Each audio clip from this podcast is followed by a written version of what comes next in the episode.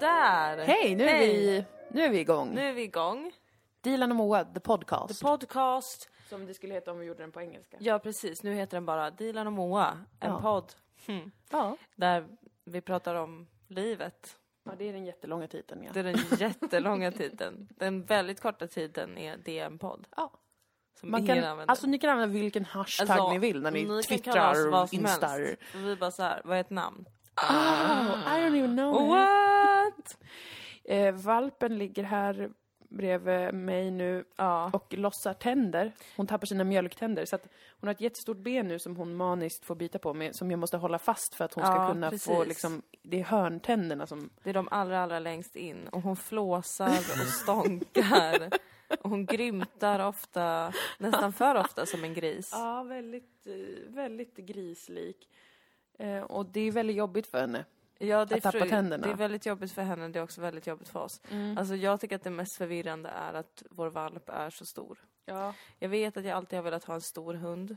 Jag har Ja. snackat en del skit om små hundar. ja. Men just när de är valpar så är det svårt för att de ser liksom de, hon är ju lika stor nu som en, en väldigt lång rad vuxna hundar blir. Ja, visst. Alltså hon väger kanske 15 kilo. Ja, Och eh, hon har liksom ett stort, en stor uppenbarelse. Hon är en stor uppenbarelse. Och när en valp nafsar så kan det Ja. göra ont om det är en chihuahua-valp. Men om det då är en sån här häst som vi har, som har en slags stor krokodilkäft, då kan det göra alltså, riktigt jävla ont. ja, Nu har hon i och för sig tappat alla tänder, så nu är det typ som att någon sån jättegammal människa precis. som har tappat sina eh, löständer försöker äta på en. Och det är ju, ja det blir som en härlig eh, massage.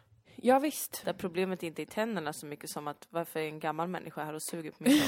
Ja, precis. Man blir förvirrad över vad har jag tagit in i mitt hem. Ja, liksom hyfs och moral och sådär. Men, eh, men innan dess var det ju svårt. Jag har blåmärken över exakt hela benen. Ja. Du får lätt blåmärken också. Ja, jag vet. Jag är ganska stolt över det. Jag är ganska stolt över att jag är en person som lätt får blåmärken och ärr. Ja, det är ganska coolt. Eh, det är väldigt coolt tycker jag. Jag har ett ärr på handen från din systers hund. När hon var Josie. en valp. Ja. Och jag är så nöjd över det ärret. För att det ser så coolt ut. Ja, men det gör det. Jag får inte det. Däremot så får jag ju nässelutslag av hundars saliv. Ja, Det är inte lika coolt. Det är mer som någon slags eh, astma-tjej-grej. ja. att Men hålla på med det. Men det var väl tur att vi skaffade hunden på vintern. Precis. För att det jag menar, jag ser ut som en röv. Ja. För att det är kallt Ja, ute. just det. Ja, jag med. Alltså... Jag har fått så torr hårbotten att det ser ut som att jag har mjäll. Mm. Men jag med. Igår blötte jag ner mitt hår med sån hårbottensgel. Ja. Alltså så att det såg ut som att jag hade duschat för att min torrbotten... Alltså det är någonting med det som är så himla pubertalt. Ja, att behöva använda sån gel. Eh, Med Ja. Som från apoteket. Och bara, åh jag kan inte dra en hand genom mitt hår utan att det kommer ner lite bitar av min Åh Åh nej vad töntigt och fult. Så blev jag så självmedveten och kände mig som, ja, Men som jag, på eh, gymnasiet igen. jag är faktiskt det fulaste jag någonsin har varit. Alltså, det är mycket hundens fel, men det är också I hela för... ditt liv? I hela, alltså Nej, rent, det nej, du inte. nej, alltså inte rent utseendemässigt. som din vän måste jag säga att du har varit fulare förut. Okej. Ja, alltså jag har varit fulare rent så här hur, hur jag ser ut, Ja. alltså i mig själv. Ja. Men när det kommer till vad jag har på mig Ja. eh, och hur, min personliga hygien Mm. så är jag det fulaste jag någonsin har varit. För att alltså, jag har haft på mig samma gamla eh, tights i en månad sedan vi fick hunden. Alltså nästan varje dag. Jag har inga kläder. Det jag har på mig nu är en svart särk som jag har haft alltså majoriteten av mitt liv, ja. eh, min vakna tid. Den har ett hål under armen bara. Alltså det är bara så det är. Och jag har Mm. ändå på mig den hela tiden. Mina skor är leriga. Ja men vad ska du göra? Eh, Köpa nya kläder är ett förslag, men jag orkar verkligen Men vad inte. du, varför ska du köpa nya kläder om det är ändå är en, en liten bäst här som bara biter sönder dem? Exakt, Jag Ingen tänker... idé. Jag njuter av det här. Mm. Alltså jag älskar det här. För jag bara åh, går runt och liksom, jag har också haft samma byxor på mig typ Mm. i en månad. Jag hade en plan om att jag skulle ha ett par jeans på mig mycket då. Ja, Nu när vi uppfostrar det här barnet. ja, Ja, men de har ju gått sönder direkt. ja. Jag har några farfars byxor på mig hela tiden som luktar hundmat. För jag har alltid hundmat i fickorna för jag ska ge det till det där lilla aset. Ja, men det är som, det måste nästan bli så när man... Au! Nu inte bet i hon mig! Moa i handen. Sluta nafsas! Jag får panik! Nej men alltså man måste ju som vara så äcklig för att man hela tiden måste ha, ha lite mat med sig och sånt. Ja. Jag hade idag med mig leverpastej i en plastpåse när vi var ute. Ja, tog upp det med fingrarna och typ leverpastej på hela jackan. Såg ut som en hemlös person som älskar leverpastej. Alltså det är ju spännande att, att både du och jag också är två liksom, ehm, alltså vad ska man säga, vi har ju fostrat oss själva inom eh, vegetarianismen länge. Och sen har man kommit ut på andra sidan och, och bara blivit en sån vuxen som kanske har en normal relation till kött. Ja. Så att man äter det lite då och då ibland. Ja. Men det är ju, det, det är ju spännande att som en sån person bli hundägare. Ja, helt plötsligt köpa så här äckliga jävla Alltså köttslamsor man vet inte ens och... vilket halvfabrikat man ska köpa. Nej. Alltså vilken, vad av den här köttblandade skiten är gott nu för tiden? För att jag vet inte. Nej, jag vet inte heller. Och typ hundar, de älskar ju, ju, ju köttigare och slafsigare något är, desto Ja. mer. Alltså hon blev ju nästan sinnesförvirrad av exaltation över leverpastej. Ja. Alltså hon kunde inte släppa hur gott det var. Alltså det hon fanns var så fruktansvärt lycklig. Eh, och då använder jag ju det som ett high value treat för när vi ser hundar som hon skäller på. ja, precis. För att försöka göra det kul. Men det är så jävla äckligt alltså. Vad, vad är, alltså, äter du på... Nu äter hon på din Det här är särk. en protest mot hur ful min särk är för att hon bara, du ska inte ha den här mer. Ja, småbarnslivet! Ah, ska man göra? Jag är redan trött på det. Jag har Mm. redan blivit en sån morsa som har gett upp allting nu och bara är så här, vet du vad? Jag älskar dig. Och du, det kommer bli bra. Mm. Det kommer lösa sig. Låt mamma bara ta en cigg under köksfläkten. och bara gå till skolan liksom. Och Ja. så ska du se att allting löser sig. Ja. Och sen ses vi på studenten, älskling. och då har jag köpt två biobiljetter till dig. En till dig och en till mig. Och sen går vi och ser nya Star Wars. Och så glömmer vi allt som var jobbigt när, när du var liten. Men alltså, jag tycker faktiskt inte det är så himla jobbigt att ha valp. Jag har varit ungefär en dag i veckan har jag hatat henne. Ja, Eh, alltså då har jag fått nog när hon har betett sig som ett barn. ja. Men ändå sex dagar av sju så har jag ändå varit så här, det är fan inte så jobbigt. Nej. Alltså hon är så himla... Majoriteten av tiden vill hon typ sova och gosa och sen så vill hon leka och sen vill hon ha mat och så kan man ge henne roliga uppgifter. Så jag, tycker, jag tror att fan det skulle vara mycket jobbigare. Ja, Alltså jag var inställd på att det skulle vara så varje dag i ett halvår. För det tycker jag är det enda man hör från folk som har skaffat valp. Ja, att det är en fullkomlig mardröm. Ja, jag är- trodde verkligen att, att vårt hem skulle vara mycket mer förstört.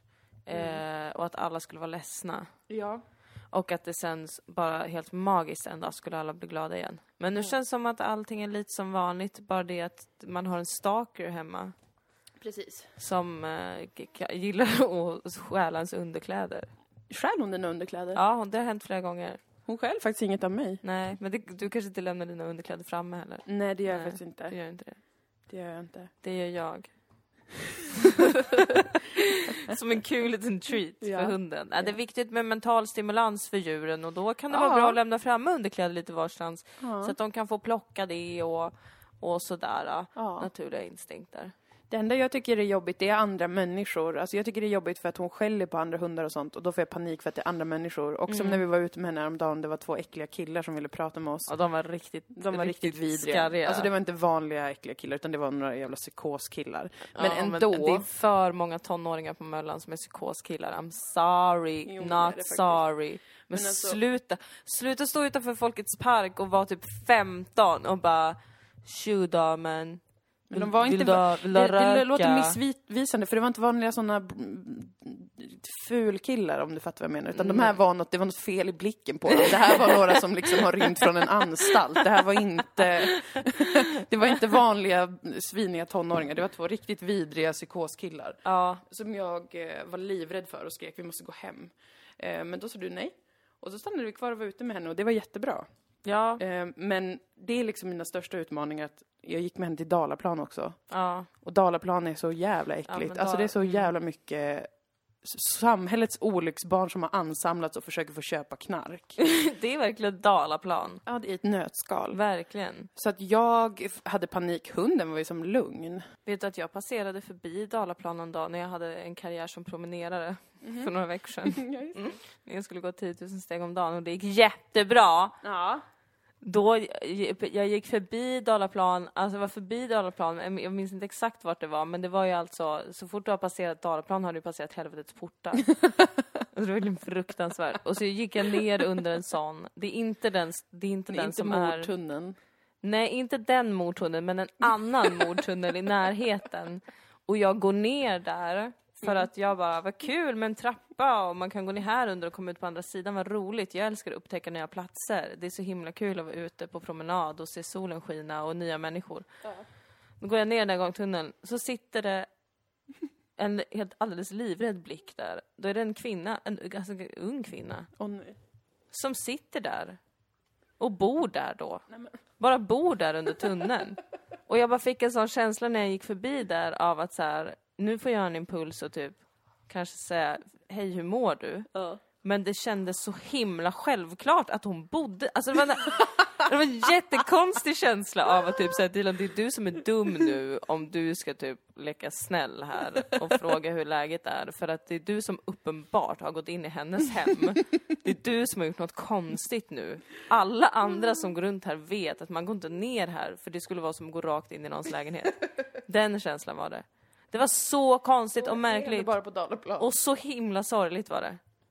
Ja, jag förstår det. Det är, Fruktansvärt. det är, en, det är faktiskt en, ett hemskt samhälle, Dalaplan. Nej men det är det. Det Det, är verkligen det. Och det får man helt plötsligt se när man är ute och promenerar, eller ute med hunden då. Sankt Knuts däremot. Usch, posh as hell! Där har jag också varit tvungen att gå runt på grund av hund. När jag har varit ute och gått med Elviras hund Kaos. Som behöver motion så att jag är så, okej men jag tar en extra sväng, jag tar en Ja. extra sväng, jag Ja. går in här, här har jag inte gått in förut. Ja men alltså på mina fyra år i Malmö så har jag liksom sett kanske en gata på Sankt Knut. Ja, Sen har jag inte gått längre in. nej. Mest för att jag kanske har blivit sur över att det Ja, finns... Hon är här och tuggar nu, Ja hon är här och tuggar på nu. sitt ben då. Men, Nej men jag blivit sur på Sankt Knut ibland för att det men det är, det är liksom Det inte... finns vissa kontantfria ställen där och jag står inte ut med när ställen blir kontantfria. Jag vet inte varför. Nej, det är något jag- inom mig som bara är såhär, sluta vara ett jävla pretto som hatar pensionärer. Så känner jag. Ja, men jag håller med. Alltså, för hur svårt är det att ta emot kontanter? Hur svårt är det det? är inte så svårt. Stöldrisken, men hela Malmö är en stöldrisk. Ja. Öppna inte en affärsverksamhet här då. Eller skaffa en bra försäkring. Ja, Om ni är så rika. skaffa hund. Alltså Ja. jag menar, eller kniv. Ja. Det är väl det många gör. Men det, det är väldigt otroligt att det inte är en överdriven sak att säga att man på tio minuter kan gå från liksom den sociala misärens kärna Ja. till liksom något som liknar en total replika av fin söder i Ja. Stockholm. Alltså verkligen 10 minuter, okej 15 Ja, kanske 15 om de vill syna säga. mig. Skulle säga 10-15 då, beroende på hur snabbt man går. Men det är så himla speciellt. Mm. Alltså det är så sjukt med denna staden att det är stadsdelar som ligger liksom exakt bredvid varandra Mm. men allting är, tillhör helt plötsligt en annan samhällsklass. Alltså Mm. Sankt Knuts är ju övre medelklass så det sjunger i, i träden. Ja. Det är ju liksom ett bageri, jag älskar det ju för att min dröm är Det är ju att bli mer över Det var ju min poäng. medelklass. Ja. Ja. Alltså jag vill ju jättegärna röra mig dit, fast samtidigt vill jag inte det. Det är en hel grej. alltså jag har ett driv att vara i vackrare sådana miljöer. Mm. Och jag känner mig ju mer kränkt när det är liksom ehm, en narkoman som skriker efter mig eller något sånt där. Mm. Och det är ju lite för att jag tänker, jag borde vara någonstans där det här inte händer. Så Ja. därför när jag är på Dalaplan känner jag ett starkt driv att ta mig till Sankt Knuts kanske. Mm. Men nu bor ju vi liksom på Möllan som är då ett mellanting. Ja. Där det både är Dalaplan och Sankt Knuts i ett. Oj, nu går du ju in i sladden. Ja, jag Hon gick in i sladden. kastade bort benet hon skulle röra sig bort från oss. som hände var att hon kom hit istället och ville fortsätta äta på både mig och benet. Men hur som helst. Hur som Det är haver. väldigt speciellt med denna staden och det kommer faktiskt våran tv-serie lite grann handla om också. Ja, Inte grann. så att det är så speciellt med Malmö, men eh, hela den... Stoppa gentrifieringen! Men det faktum att man... eh, Man skulle kunna göra liksom en klassresa mellan en stadsdel och en annan. Ja, men mellan typ en gata och en annan. Ja, och det är faktiskt ganska kul. Ganska kul skämt, tycker jag. Det är väldigt roligt. Aj, vad du vill leka nu! Din dumma gås. Din dumma gås. Vad ska du leka med? Den här ju. Sådär ja, vi var tvungna att pausa lite. Tio Ehm, minuter, eh, tio minuters paus för att bära runt valpen och Ja. nu sover hon. Och jag kunde gå på toaletten under tiden, så det var ju jätteskönt. Alltså jag är golvad av hur gulligt det är att valpar är övertrötta trötta. Ah, vad trötta? Övertrötta så ofta. Ja. När de blir så överdrivet nafsiga eller så. Hon var ju väldigt hetsig nyss då. Mm. När vi försökte spela in. Mm. Och så bär man runt henne då. I typ 5-10 minuter. Ja. Så somnar hon. Det är så sött. Jag vet att det säkert finns delade meningar om att bära, bära på valpar. Men jag säger som att hon blir uppenbarligen lugn av det. Det är ju faktiskt det värsta med att ha hund, tror jag. Mm. Det enda som jag har känt är så här, det här suger. Mm. Det är hur många delade meningar det finns om allt. Och känslan av att jag kan ha så himla fel. Tänk om Mm. jag är en djurplågare för att jag använder det här tipset. Men det tror jag är exakt samma... Som när jag Som när slår folk henne till exempel. Alltså när jag ger henne elchocker då känner jag som att det här är säkert något som någon skulle säga liksom nej. För att jag tror att det är jättebra att skendränka sin hund. Alltså om den liksom vill ha för mycket mat. Ja. Ja, Men hon reagerar jättenegativt på det och då blir jag så jätteorolig. Ah! Ja, men så är det med barn och med hundar. Man får testa sig fram. man får ju det. Tortyr, Ja, funkar ja, ja, det? ja. Och så vidare. Ja, ja, ja, absolut.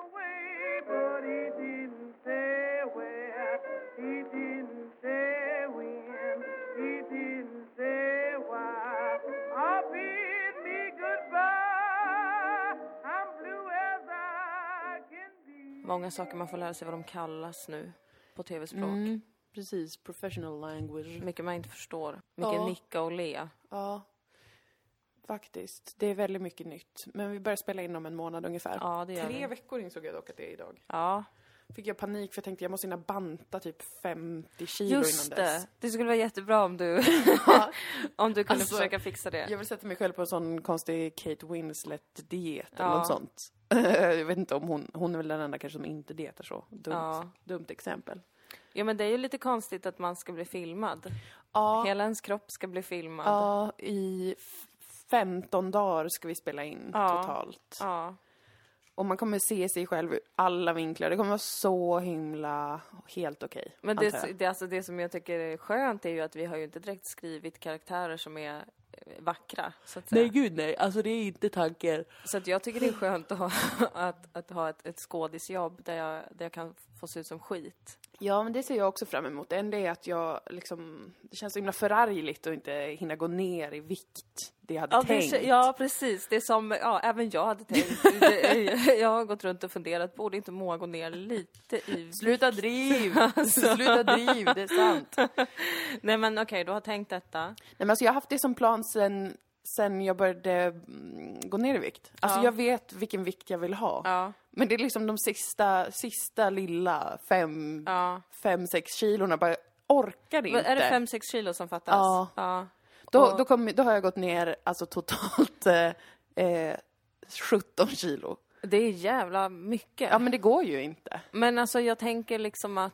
Eh, Eller det, är för, det är för jävla tråkigt, alltså jag tappar liksom förståndet av hur ja men och tråkigt det är att tänka 5-6 på. kilo är väl ingenting som märks riktigt? Är det det verkligen? Ja men för mig själv, nu är det ju inte ens egentligen att jag bryr mig så mycket om vad någon annan tänker. Nej men även för dig själv menar jag. Kommer Nej, du känns- märka de där 5-6 kilorna verkligen? Ja men det känns så. Mm. Det känns så. Alltså jag tycker jag ser extremt stor skillnad och det är antagligen bara liksom i mitt huvud. Ja. Men, men nu är det inte så infekterat och jobbigt längre, jag har inte ångest på det sättet. Nu är det mer att jag bara är irriterad över att jag inte lyckas göra det för att det är för tråkigt. Ja. Så jag är också mer bara irriterad på hur tråkigt det är. ja. Om du förstår vad jag menar. Jag Ja. längtar tills jag helt har släppt det men eh, jag har ju inte det än. För jag tänker så här, Nej. ska det verkligen inte gå och gå ner de här sista jävla kilorna så att jag får det gjort? Nej men du har ju tre veckor på dig. Gå ner eh, Fem, två sex kilo i veckan. Jag vet inte om det är det omöjligt. Det är jätte, jättesvårt. Okej, men kan du inte bara göra så här då, typ eh, som Beyoncé gjorde? Du dricker cayennepepparvatten med citron och honung och typ äter en gurka. Ja men alltså grejen är, jag vet exakt hur jag skulle göra för att gå ner ungefär eh, ett halvt till ett kilo i veckan. Alltså jag Ja. vet exakt, för jag har gjort det förut. Ja, Och det har gått bra och jag har bib- jag gick ner 11 kilo och jag har bibehållit det. det... Och nu vill jag ner ungefär 5-6 kilo till. Ja. Och de här sista går inte, men jag visste, det var, alltså det är, det är liksom matte och det är fokus. Ja Och så men det är bara- också det här med att vi blir kvinnor nu. Mm. Alltså, jag tänker mycket på det. Att vi blir kvinnor nu. Ja, att vi håller på att få våra vuxna kvinnokroppar. Ja, Jag tycker att jag har blivit mycket mer satt. okej. Inte att jag har kanske blivit större, Nej. men att jag blivit mer satt. Okej. Alltså Satt det är mer former. Ja. Det är mer liksom... Jag vet inte, att jag tänker vad köttig jag är. Men något, som någonting positivt ändå? Thick! Thick! Som Rihanna har blivit. Okej, jag har inte sett henne. Nej, men alla är så här, det är för att hon kanske har fått en centimeter mer lager på sin kropp. Ja. Alla bara oh Rihanna's so thick. Okej. Man bara, hon, hon har kanske en, nu har hon en fullvuxen kvinnokropp. Ja. Men det känner jag mycket. Jag har fått nya bristningar. Mm. Vilket jag blev jättechockad över först när de kom. Sen fick jag höra att det är normalt. Det är jättenormalt. Över alltså. liksom höfterna. Ja. Så man växer lite där. Ja. Jag tänker, de där 5-6 kilorna. Ja. Är det bara ett luftslott nu? ja, det är det väl. Eftersom att du inte kan kriga mot naturen. Som är att du ska bli en satt kvinna nu. Ja, men det är liksom... Det är bara irriterande för jag tycker att jag vet hur man gör. Och samtidigt så uppenbarligen vill jag det inte. Och då fattar jag inte varför jag är osynk med mig själv. Varför tror jag att jag vill det då? När jag uppenbarligen inte vill det. För mig är det uppenbarligen inte värt att eh, omforma min kropp eller gå ner i vikt. För då skulle jag ha gjort det nu, för jag vet hur man gör. Och jag har inte längre ångest kring det. Har man jättemycket ångest kring det, då kan man inte hålla på. För då är man ändå bara psykad jämt och typ får en ätstörning och blir jättedeprimerad. Men om man inte längre har ångest kring sånt där och bara vill liksom testa en grej och sen tror man att man vill det, sen gör man det inte, då vill man det ju inte. Men då känner jag mig osynk, jag blir irriterad för jag är osynk med mig själv. Ja men det är väl bara att de, att de tankarna dyker upp för att vi faktiskt ska bli filmade. Nej, men jag har också tänkt så i ungefär fyra år. Okej. Alltså jag hade min första, min första initiala var 20 kilo ner. Ja, För jag hade gått upp ungefär 20 kilo av ilska. ja, Eh, på grund av patriarkatet, som jag berättat om tidigare. Så tänkte jag så här, de vill jag gå ner igen. ja, Så tjopp tjopp, gick ner då 11 av dem ja, och har legat kvar där. ja. Men sen har jag eh, sänkt min ribba, jag behöver inte gå ner prick 20, det är onödigt. För vems skull skulle jag göra det? ja. Men för min egen skull vill jag ändå prick gå ner 5 kilo till. För att jag bara vill se hur det är, om det känns bra där eller sådär. Ja, men, men då, är ju, då är ju verkligen frågan hur ska du göra då? Ja, för att uppenbarligen Och särskilt vill jag när du inte. inte vill allt. Exakt, Det- alltså Det som är svårt. varför kan jag inte släppa det då om jag inte vill gå ner i vikt? För att det, nu är det verkligen, alltså nu är jag på Men det är en väl plats... svårt att bara släppa en mångårig dröm? Du Ja. måste ju först ställa om hela din inställning till livet. Mm. Bara vara så här, jaha nu är jag en sån person som inte vill det här längre. Mm. Men jag ville ju det så himla mycket. Ja, Precis. och vad händer nu då när jag inte vill det längre? Alltså för att nu är jag verkligen på en underbar plats där jag känner så här, jag bryr mig inte om någon. Alltså, Ja. förutom de som är redan, alltså mina nära och kära såklart. Jag bryr vi, mig ska, vi ska må när Ja, vi hur ni ser ska, ni ska må. Men där känner jag liksom, jag får sån obegränsad bekräftelse så att jag kan typ inte göra något fel alltså med mitt utseende. Och det är därför Nej. jag pushar nu också är så ful som jag någonsin kan vara. Ja. Testa alla deras kärlek. Ja. Men, men liksom, jag bryr mig verkligen inte om vad någon tycker om mig längre. Nej. Alltså som jag inte känner. Och det är så fruktansvärt skönt. Och då blir det bara extra konstigt varför jag inte då kan sluta vilja gå ner 5-6 kilo. Men alltså varför kan jag inte slutar släppa man det? någonsin vilja gå ner 5-6 kilo? Ja, det är klart man kan sluta vilja det, tänker jag. Ja, man Precis som man kan det. börja vilja det kan man sluta vilja det. Alltså man kan sluta bry sig, man kan sluta ha sitt fokus där. Ja, det kan och lägga ju det på någonting roligare eller som är mer givande för en själv, Ja, tänker jag mig. ja. Så att jag känner bara så här, åh. Och men det, det är som du säger aktualiseras ju extra mycket nu för att vi ska filmas. Ja, men liksom egentligen om folk får se mina, min fett och min kropp och hur den ser ut så skiter jag i. Alltså, Ja. Jag kan inte förklara det på något annat sätt. Det är men helt kan det, vara, bisarrt. kan det vara det då som gör att det blir irriterande? Att du fortfarande vill gå ner 5-6 kilo, men det är inte för att du ska vara med på TV. Precis, Den, men det aktualiseras eftersom att du ska vara med på TV. precis. För att vare sig vi vill eller inte så kommer de tankarna dyka upp. Det har Ja. det gjort hos mig också. Ja, Bara för länge sedan. ja. Jag, jag gick igenom det innan när vi visste att det skulle bli av. Då hade jag den lilla processen i mitt huvud. Bara, okej, är jag för tjock? för att få synas bland folk. Och sen så eh, tog jag mig igenom det. ja. vad skönt. Men, men du har det nu. Och Jag jag tänker nu, att det ja. blir irriterande då. Mm. För att det är en genuin vilja hos dig. Mm. Men som kanske skulle kunna tolkas som Precis. att det är för att du ska synas av andra. Precis, det är där irritationen ligger. Att Ja. jag vill vara väldigt tydlig med att det här har från början kommit från mig själv. Och oberoende av att jag ska vara med på... Du blir en sån hipster, hipsterkomplex-tjej. Ja, jag gillar det inte. Jag ville gå ner i vikt innan, Ja. Innan det var inne. innan det var Att inne att jag skulle gå ner i vikt. Dilan Moas tv-serie. Exakt. Men det, det kanske är en viktig del i processen att inse hur lite jag vill det. Ja, Alltså det kan ju vara en sån sak att så här, det är en uppgörelse nu, ja, där det, alltså inom mig själv, där det faktiskt för första gången på fyra, fem år är så här. jag vill ju inte. ja. Jag faktiskt vill inte och jag skiter i det. Och för att om man tänker sig hur laddat det var från början, hur det är för de flesta med ens egen vikt och kropp och sånt där, att när man är ung och sånt, att det är skithemskt och man lever under sån konstant, konstant skräck och terror för vad som ska hända om man är tjock eller fel eller på något sätt sådär. Alltså det är ju extremt laddat för att man lär sig det ju. Och sen så kanske då tänker jag mig att det behöver avdramatiseras genom att man antingen går in i det eller helt fokuserar på något annat om man kan det. Men om man inte kan fokusera på något annat, så att man fortsätter fokusera på denna skräck man har för att vara ful eller fel eller hur det nu tar sig uttryck.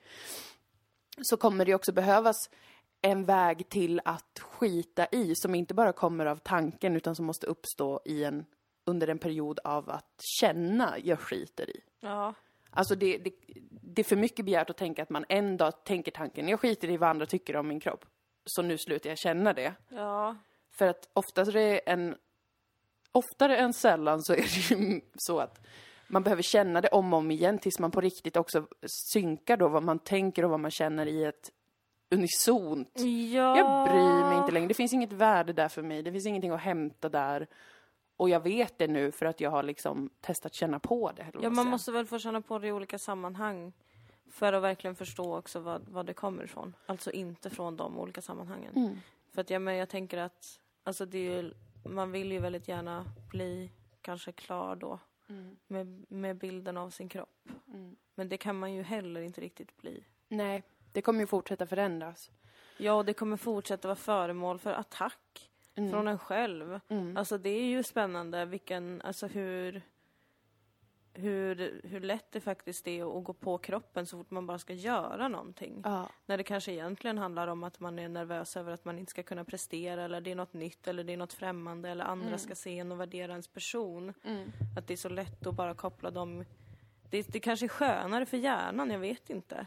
Mm. Och dra all, allt det fokuset bara till ens fysiska kropp istället. Ja. Som att det skulle hjälpa någonting. Ja. Det gör det ju för sig tyvärr i Ja. det här samhället. ja, det gör ju Lite det. Det är det grann. som är sjukt. Men, eh, ja. Mm. Men jag har haft någon så här, du vet, vi pratade ju om det, vi har ju pratat om vikt och kropp och sånt där tidigare. Ja. Och jag hade ju en teori om att det är en viss girighet som gör att man vill också, hos vissa av oss, hos mig själv till exempel, Ja. en girighet i typ, jag vill ha det där också. Ja. Jag, jag är inte okej med att inte ha allt som jag kan få. Ja. Och i ett patriarkat så är de saker jag kan få vissa grejer då. Till exempel att det, jag kan få bekräftelse för mitt utseende. Det är en Mm. viktig, en värdefull sak, alltså per default. Sen Mm. kanske man inte håller med om det sen.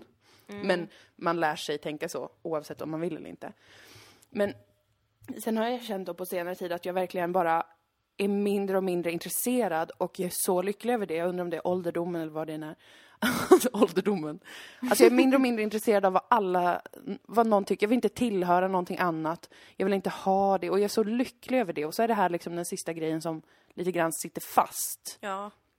Ja, men det har ju väl också varit den starkaste grejen för dig, har det inte det? Jo men det har det ju ändå, med komplex Ja. och liknande så har det ju ändå varit, eh, varit Där är mitt det kroppsfett som har vikten som varit. är central för dig. Ja visst. För mig är det till exempel kroppsbehåring Mm. som är det centrala. Mm. Och de grejerna går inte att bara släppa sådär. Nej men precis, man Men kanske det måste leva igenom. Det måste man verkligen göra. Fy fan. Alltså jag känner ändå att jag har kommit till en punkt där jag inte kanske accepterar till 100% men jag förstår nu för första gången i mitt liv hur min kropp ser ut. Mm. Eh, och det har varit ganska lätt att acceptera ändå. Mm. Alltså typ, jag har alltid tyckt att det har varit svårt med utseende och sådär. Mm. Och jag har alltid haft, jag har alltid velat ha, som de flesta andra, ett helt annat utseende än det jag har. Mm. Och också varit övertygad om att jag har det. Mm. Jag har alltid trott att jag har varit lång, smal och rak. Vilket är liksom den totala motsatsen till hur jag ser ut. Jag är relativt kort, Mm. Eh, satt och kurvig. inte sant. Nej, det är Ni inte förstår vad jag menar, ni förstår kanske vad jag menar med ordet satt. Nej men alltså väldigt mycket former och så vidare. Och det, det har jag verkligen inte förstått. Alltså där, jag har bara trott och velat se ut som en indie-rockare som bara Ja. stuprar jeans och jeansjacka Ja. och är supertunn liksom. Men det har jag börjat förstå nu och det har jag kunnat acceptera och jag har liksom förstått att, jag kan till och med känna nu att, ja men jag tycker jag är en vacker människa. Men det där med håret, Mm. och jävlar i mig, Mm. Vad fruktansvärt hårt det sitter alltså. ja. Så att det där är inte att bara vända blad från tror jag alls. Nej, det är det ju verkligen inte. Men jag, men jag undrar då om det kan vara så att man... Det blir en uppgörelse liksom, som sker inom en i förhållande till eh, majoritetssamhället eller liksom till vad man eh, läser som det normala och massan människor. Att det ändå kan ske en sån uppgörelse där man på riktigt kommer till, term, till- kommer till termer, kommer till sans med kanske då att det inte spelar någon roll. Sen är det en annan sak att man vill kanske, man kanske trivs på ett visst sätt och vill ta bort vissa, visst hår eller gå ner några kilon i perioder eller vad fan det nu än kan vara. Men att man kanske, kanske den eh, laddningen och den liksom prägeln på samhället, att den kanske kan göras upp med och tyna bort. Ja, för Det är min man förhoppning i alla fall. måste ju också, eller upplever jag i alla fall, att det handlar så himla mycket om ens egna förväntningar också. Alltså Mm. det är lätt att bara prata om andras förväntningar och samhällets förväntningar på ens kropp. Mm. Men för mig är det också jättemycket mina egna förväntningar på samhället Mm. och andra människor. Jag har så mycket föreställningar om vad folk ska tycka och tänka om min kropp. Ja. I synnerhet om min kroppsbehåring. Mm. Varenda gång jag har exponerat min kroppsbehåring för någon, det som jag liksom har ändå kunnat visa, Mm. eh, så har det liksom aldrig någonsin varit en grej. Nej. Det har ju bara varit en grej när jag har varit liten. Liksom. Ja. Och folk har sett typ håret på mina armar eller min Mm. mustasch och det har varit en grej. Vilket är så här, ja, that will always be a thing Mm. when growing up as lite annorlunda än, än majoriteten. Mm.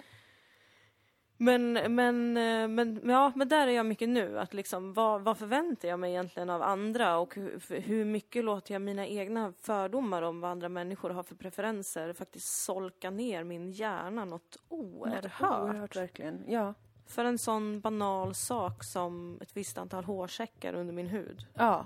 Som bara finns där för att det är så jag är skapad. Precis, och som inte uppenbarligen varken har gjort till eller från för ens välmående. Nej. Alltså mer än i korta, korta stunder kanske. Alltså, jag, om man ser en bild där man tycker att man har lyckats då vara smal eller inte ha behåring.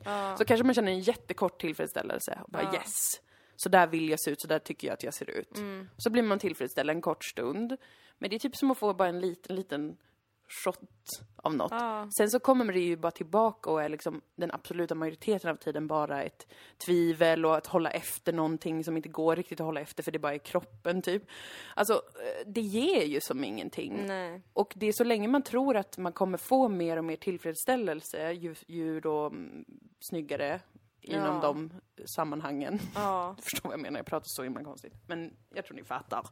Alltså, så länge man tror att man ska få en större och större belöning varje gång Ja. så kommer man fortsätta. Men sen när man börjar upptäcka, jag får ju fan inte det. Nej. Jag får ju liksom inte eh, tillfredsställelse av det mer än en väldigt kort stund när jag ser en bild eller en inspelning på mig själv. För att det är ju de stunderna man ser det tydligast. Men det är därför som jag är lite rädd för eh, skönhet och liknande också. Mm. Alltså mm, att...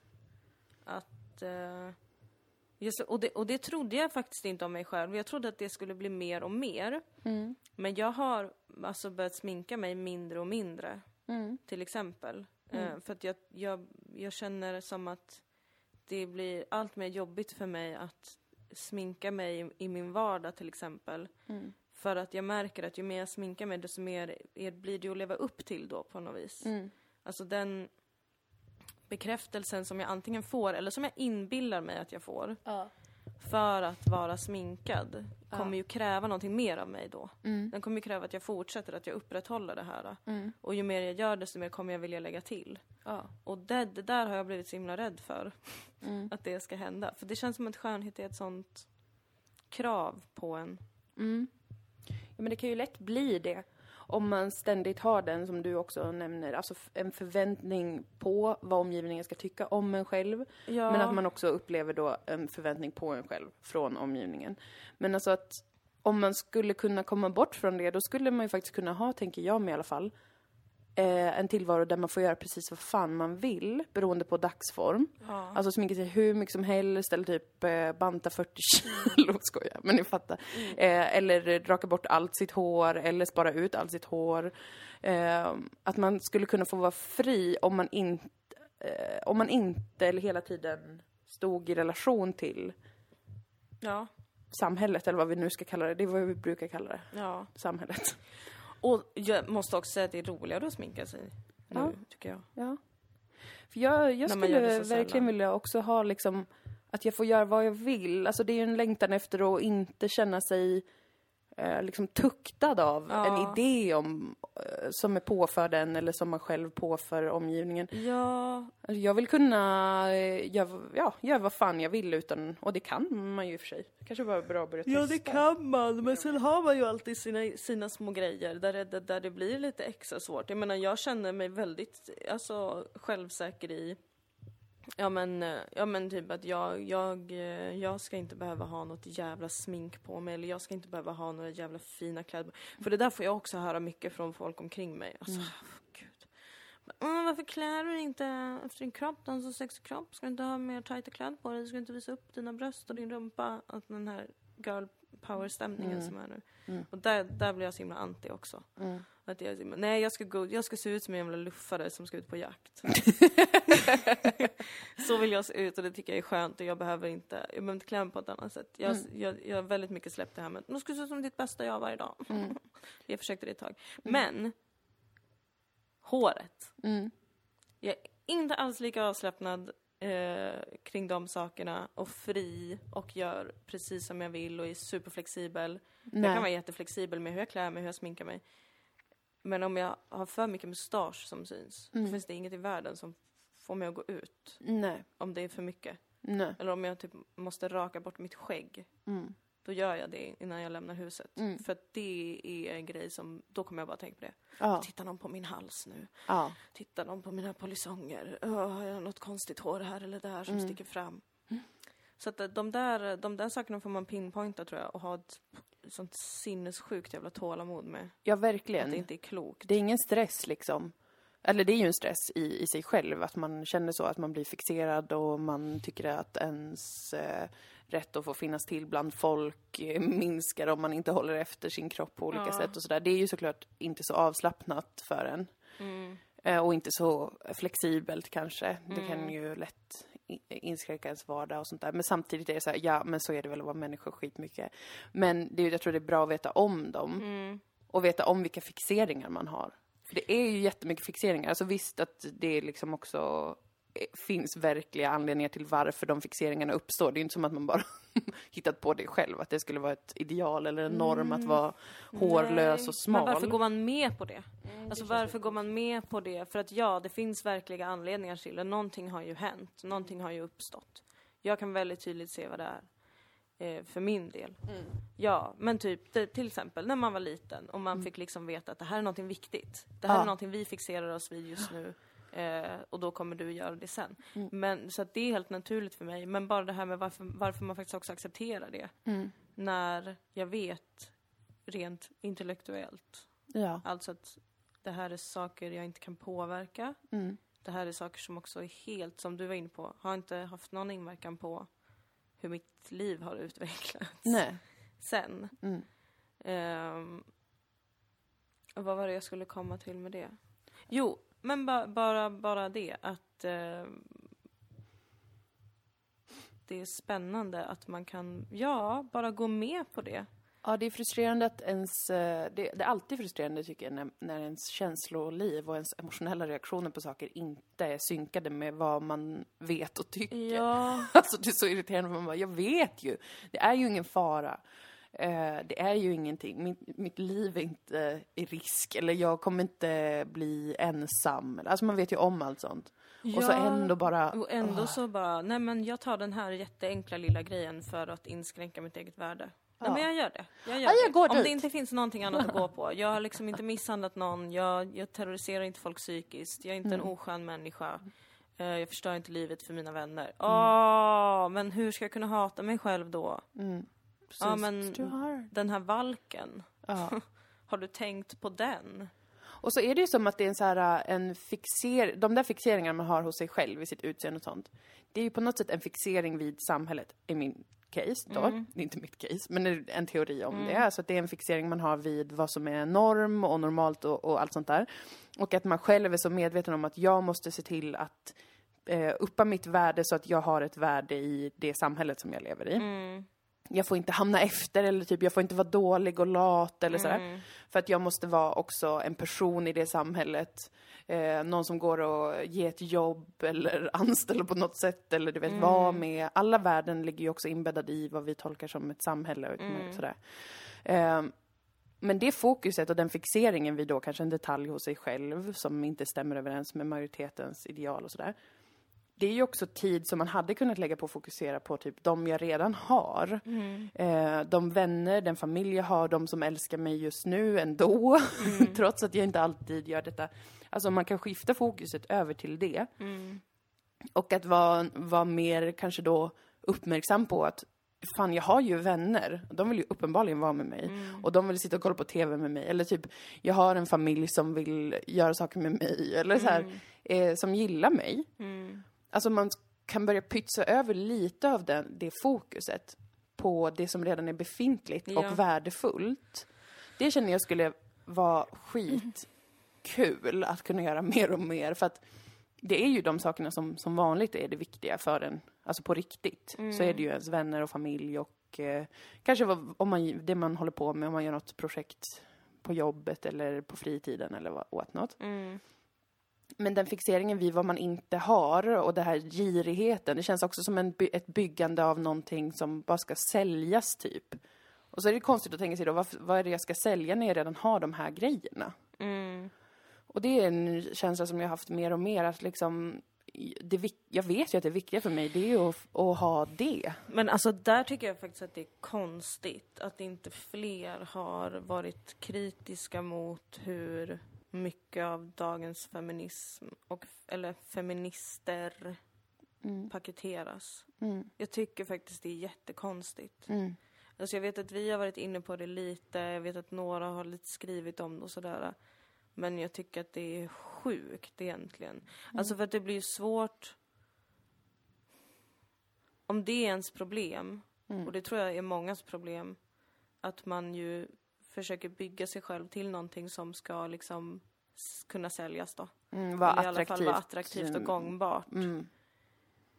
Och så har vi samtidigt en hel rörelse på internet som är så Åh, alla ska älska sig själva oavsett vem man är eller hur man ser ut eller om man är varierad på något sätt eller bla bla bla bla bla bla bla bla. Och så är alla så plastiga och sminkade och snygga och de har så perfekta bilder och allt är så himla bra och man äter pizza i bikini och jag vet inte vad.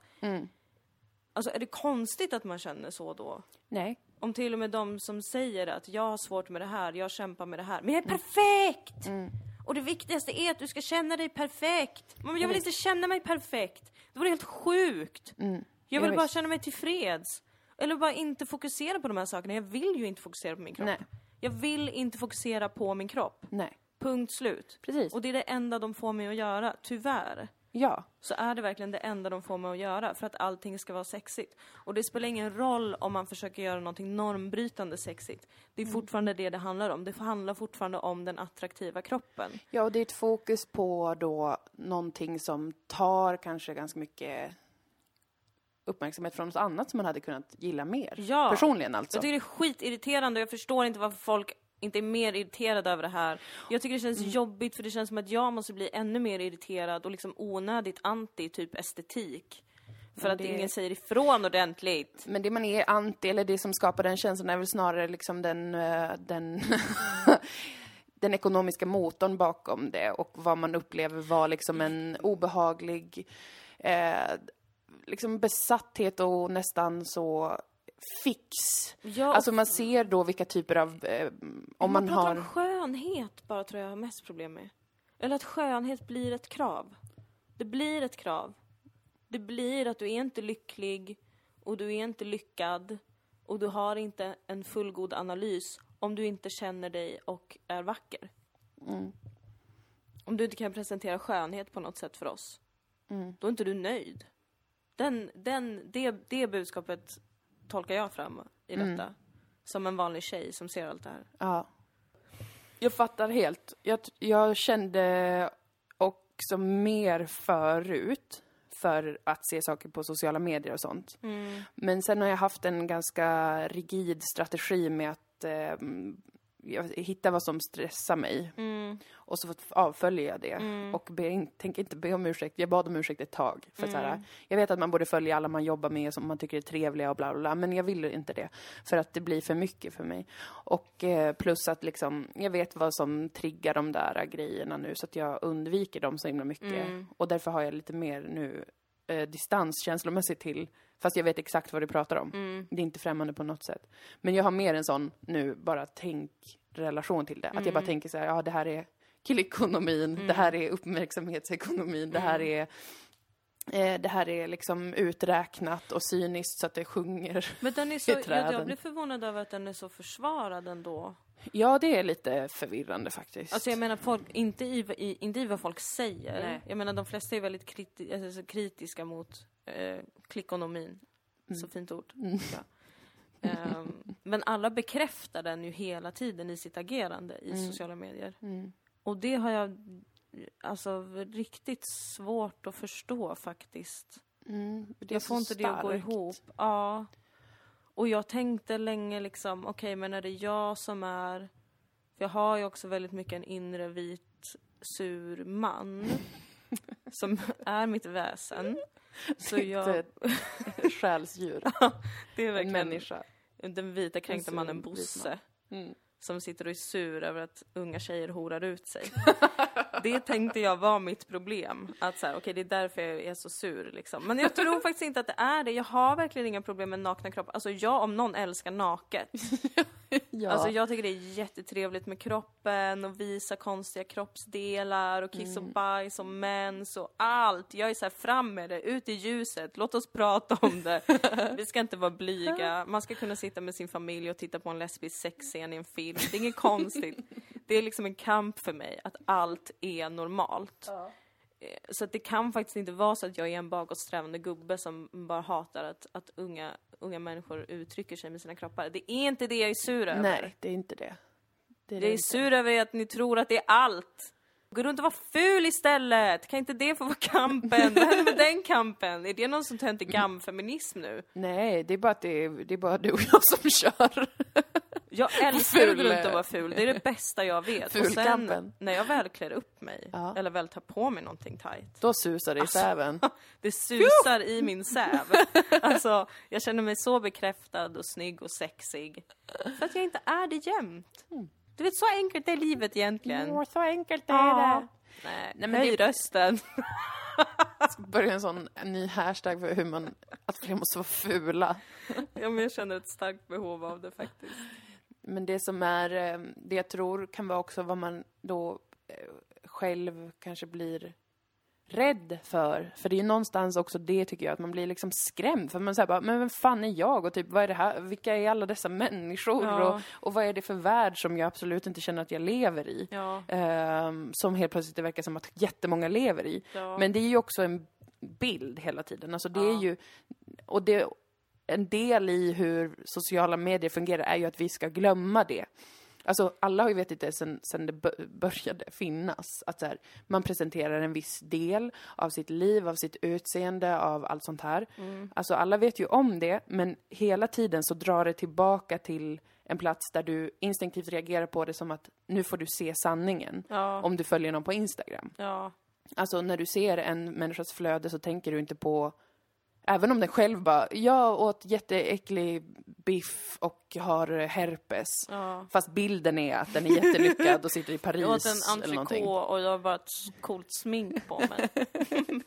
Man tolkar ändå in det så typ att bara, nej så är det inte för du har ett perfekt liv och ser perfekt ut. Ja. För att det är liksom känslan man får av att se den visuella delen av det. ja, men jag tycker att det är falskt att hålla på så när vi liksom inte, vi lever inte i Matrix än. Nej. Alltså jag förstår ju det här äh, med att man, man kanske lägger upp bilder oftare när man är glad.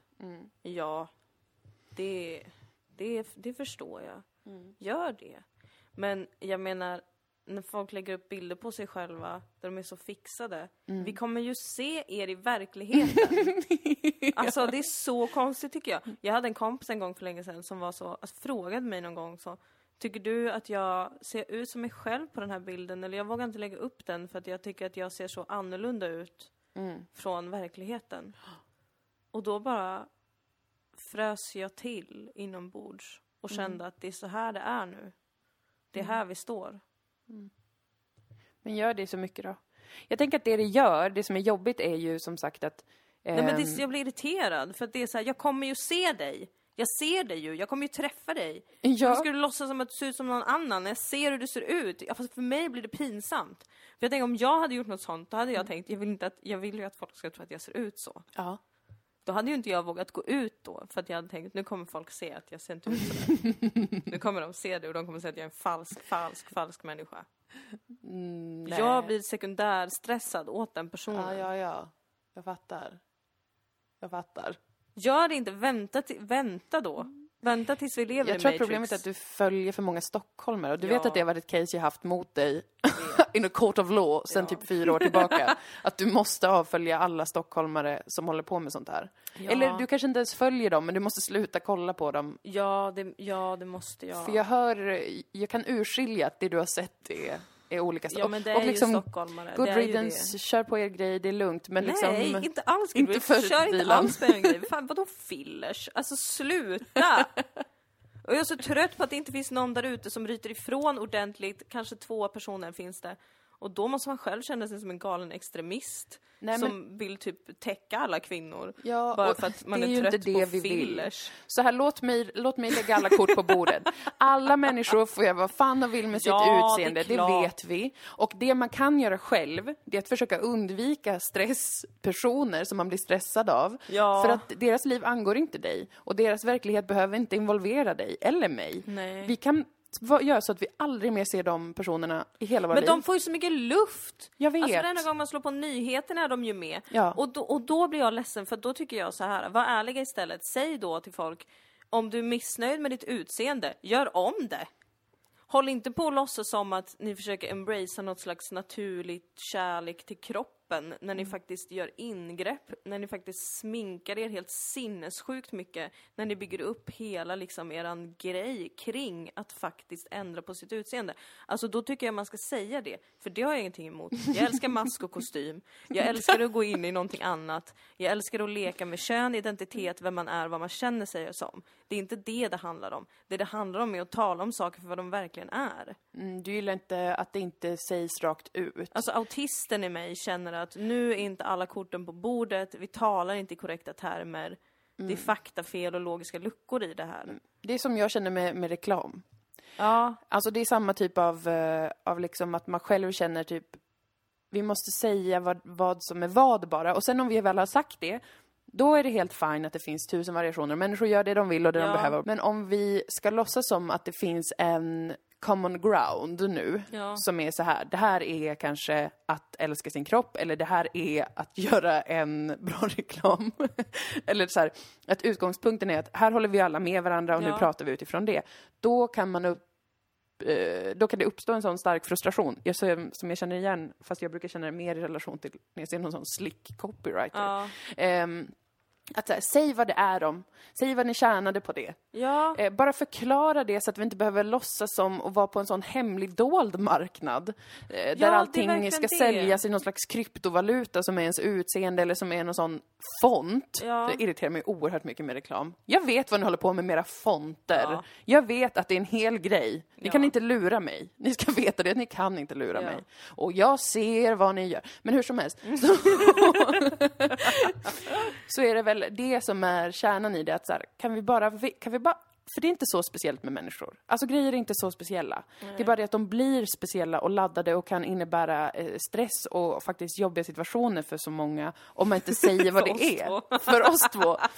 Alltså säg vad det är stockholmare, Ja, säg säg, vad vad ni är. tjänar, säg vad det är ni håller på med Säg och vad sen ni är har vi stoppat lugna. in i era ansikten. Och jag vet också att några gör det jättebra, att ni är öppna med vad ni håller på med. Toppen, tack. Då vet jag att man inte kan se ut sådär på riktigt. Mm. Alltså jag behöver bara få förstå. Mm. För att jag är också en, en simpel tjej Ja. i den här världen. Ja. Som bara försöker fatta att jag har en kropp. Mm. Precis. Som jag inte behöver bry mig om så mycket. Nej. För att den är bara ett tempel. It's a temple of doom. For all my emotions and thoughts. Ja, visst. Men, eh, men det tycker jag faktiskt är en valid point att ha. Att det är bättre för alla, tror jag faktiskt, om man är ärlig med vad det är man pratar om och gör. Och vad det kostar, för det är också en grej. Ja, det Att, att det grej. faktiskt är så här... äh, Jag tycker det är lite, lite skevt att man liksom ska hålla på och bygga då sitt varumärke eller sitt ansikte eller vad det kan vara. Och man ska aldrig prata om faktiskt vad, vad, det, vad folk betalar för det eller vad man då får kanske mm, för att sälja sin Instagram eller för att sälja in en bra reklam. Ja. Fortsätter med den här parallella liknelsen mellan utseende och reklam. För det är ju lite, gå in i varandra lite ibland Ja. då. Men att jag tycker att det är en väldigt konstig och märklig sak som också gör det frustrerande att jag eh, vill också bara veta så här, vad är det här för marknad? Mm. För jag vill inte vara med i den, men jag behöver få förstå vad det är om så att jag, jag själv kan liksom sätta mig bortom Ja, det om då. det ska behöva vara så populärt och man ska behöva höra Exakt. om det hela tiden. Om folk ska hålla på och tjata hela jävla tiden om allting. Ha lite skönhet för dummies då, i så fall. Men jag tror verkligen att det bästa är att inte titta på något och eh, bara vara med hunden. Ja. Och eh, med kompisarna spela talisman, Spela impro. spela impro. Det är jättebra för kroppen Det är faktiskt. jättebra. Det är Det frigörande och fritt och underbart på så Mm. många sätt.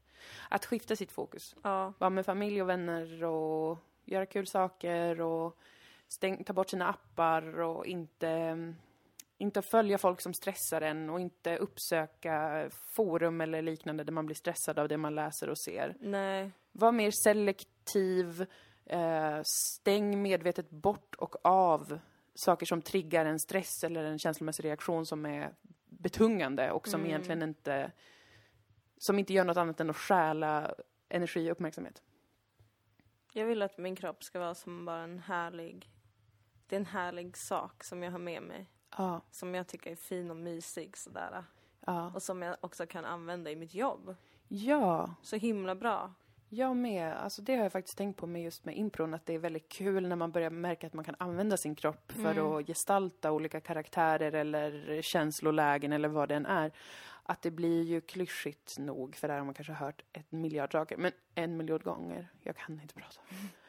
Man har hört det många gånger. Mm. Att liksom när kroppen får vara mer än bara något man tittar på Mm. eller bedömer så, utan att det är ett verktyg på olika sätt. Mm.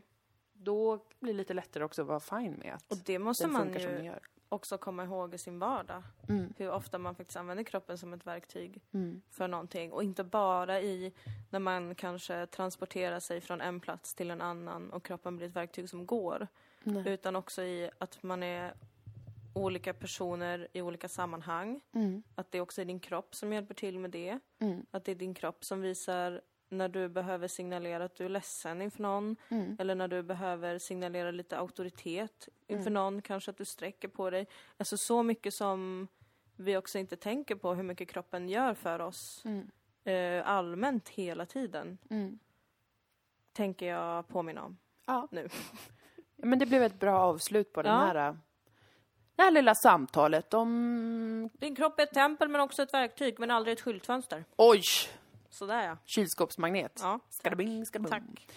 Jag är poet. Och det officiella statementet från Dylan Moore Podcast är alla får göra det de vill, men gör förklara vad för fan oss ni vill med era kroppar. vad, alltså vad gör verkligen vad gör. fan ni vill med era kroppar. Uh, gör, kör hårt men stå för det då. Och var ärlig med vad du gör.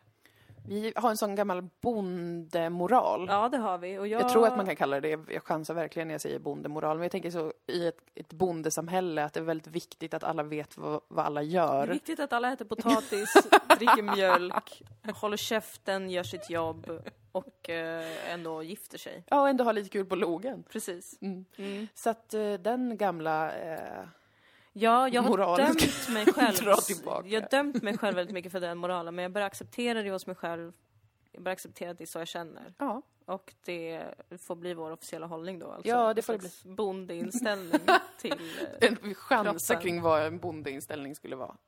Bondesamhället-inställningen. Ja, men jag gillar det för det är både liksom du måste använda din kropp fysiskt men det är Mm. också att det kanske är beefs med andra byar Ja. eller du, det är dans på logen, du vill attrahera någon, du använder din kropp som ett verktyg då. Men framförallt är det väldigt tydligt vad man har för uppgift. Ja, det är alltid... I samhället. Det är väldigt praktiskt. Det är viktigt att man kommunicerar kring det här är vad jag jobbar med. Nu är jag Precis. influencer och jag tjänar 40 000 på Precis. att lägga upp den här bilden. Alltså i ett bondesamhälle hade alla sagt det som var influencers. Men i vårt samhälle då Ja. kanske det är så här, nu ska jag på en konferens om att vara en influencer, eh, kolla vilken fin bild. Och alla bara va? Jaha, bara, Oj, vad har du, vem har du taggat i bilden? Ja. Är det alla märken som du har på dig? ja, ah, okej. precis. Så skulle det inte varit i bondesamhället. And we will Nej. call it back. Men det skulle vara ett bondesamhälle också där man pratar väldigt mycket om känslor. Ja visst, inte så här, och helst att ett bondesamhälle utan så här väldigt starka maskulinitetsideal. Precis. För det tycker jag känns lite gammalt. Det känns B. Så att ett modernt bondesamhälles moral, Mm. Där det finns en plastikkirurg ja självklart. på byn. Ja, och det finns Såklart. en som jobbar med Och copywriting. en som jobbar med att bara fillers liksom. Ja. Inte så mycket, alltså Alla du? får finnas. Alla får finnas, alla får delta, men det ska inte vara så jävla speciellt allting heller. Och det ska vara tydligt. Så att inte Väldigt poddarna i tydligt. bondesamhället får eh, panik. Nej, nej, nej, nej. nej, nej. Känslor Det av ska vara oerhört klart och tydligt. Alla ska hänga med. Vilket underbart bondesamhälle. Ja, det låter Det jättehärligt. fixar vi. 2019 Jajebus! ses vi. Okej, puss. Tack för att ni lyssnar. Hej då! Hej!